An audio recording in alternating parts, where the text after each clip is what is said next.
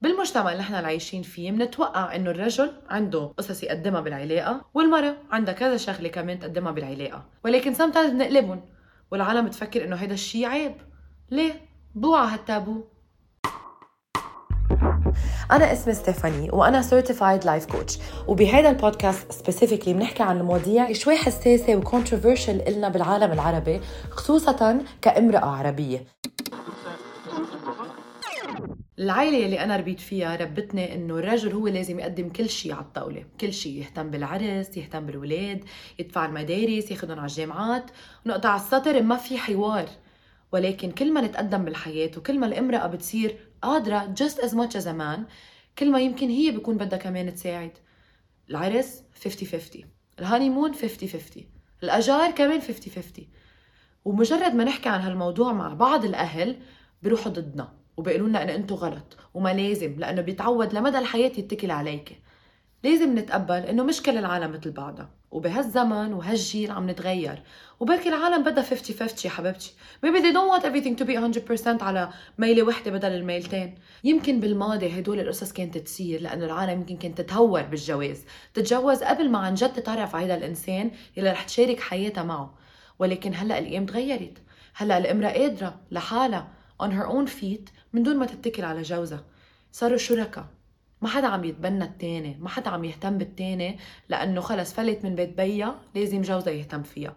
كمجتمع انتو هلأ المشاهدين شو رايكم إذا صارت 50 50 العلاقه شو رايكم إذا مثلا it's stay at home dad بدل stay at home mom ليه بدنا ال equality بس ما بنقبلها بس تكون من هالناحية؟ ليه بدنا ال equality بس ما بنقبلها إذا الرجل مرتاح أكثر من المرأة؟ ليه ما فينا ناخذ أدوار؟ هلأ أنا بتفهم إنه المرأة بس تحبل يمكن ما فيها تشتغل as much okay بيقلبوا. مثلا for the year بس تكون حامل. بتقعد هي بالبيت هو بيشتغل وبعدين بيرجعوا يقلبوا. إذا في هيدا الشيء عم برن بعقلكم بطريقة أنتم ما عم تتقبلوها أكيد هذا الشيء من الزمن وبسبب تربيتكم وبالحروب الرجال هن يلي كانوا يروحوا ويحاربوا والنسوان يقعدوا بالبيت. بنتفهم كانوا القصص بس الأيام عم تتغير.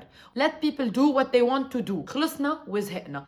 وبالحوار إنه أنت ما بتتفق مع الآخر ما بتتفق مثلا إنه رفيقك هو بيقعد بالبيت ومرته بتشتغل شو إلك معهم؟ خي شو إلك مع العالم؟ Let them do whatever they want. بدك تزيد نيجاتيفيتي بهالعالم تزيد تناقض وقلة احترام وكره مش ضروري. وإذا بدنا نحكي عن موضوع الحنية الامرأة بنضل متوقع منها إنه هي تكون الحنونة وهي تتخلى وهي تضحي all the above. طب بركي الرجل هو بده يضحي؟ بركي الرجل هو بده يمارس حنيته أكثر من الامرأة. لازم نحرمه من هذا الشيء. وبعدين بتجوا بتقولوا لي إنه الرجل ما بيحكي عن his feelings. وانه men are oppressed. وما بيحكوا عن their mental health. طب ما نحن عم نشجع هيدا الشيء.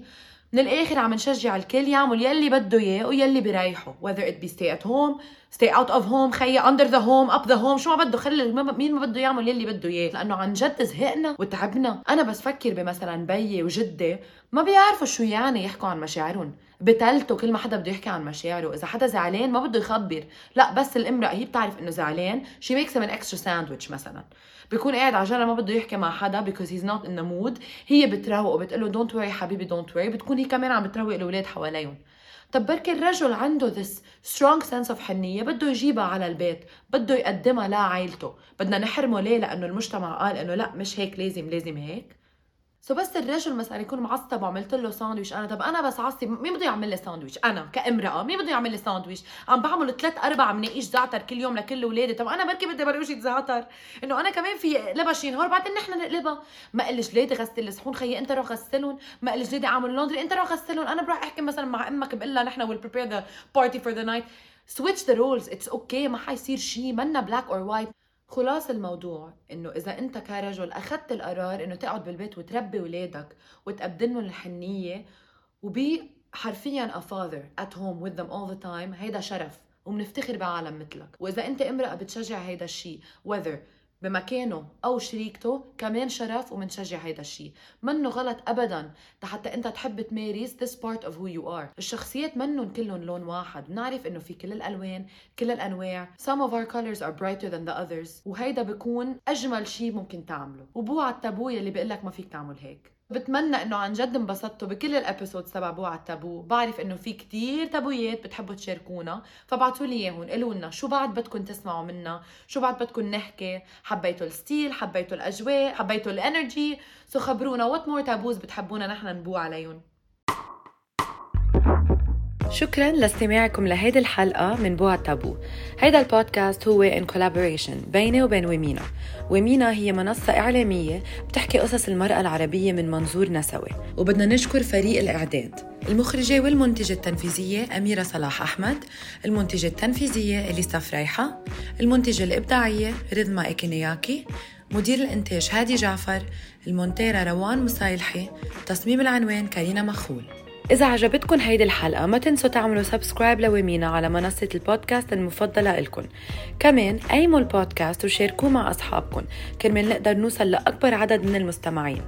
لو عايزين تشاركونا بالنقاش حوالين المواضيع اللي عم نقدمها كل أسبوع تابعونا على إنستغرام Womena و Stephanie H triple D وكمان لو حابين تتفرجوا على الحلقة الكاملة فيكن تعملوا subscribe لقناة Womena على يوتيوب.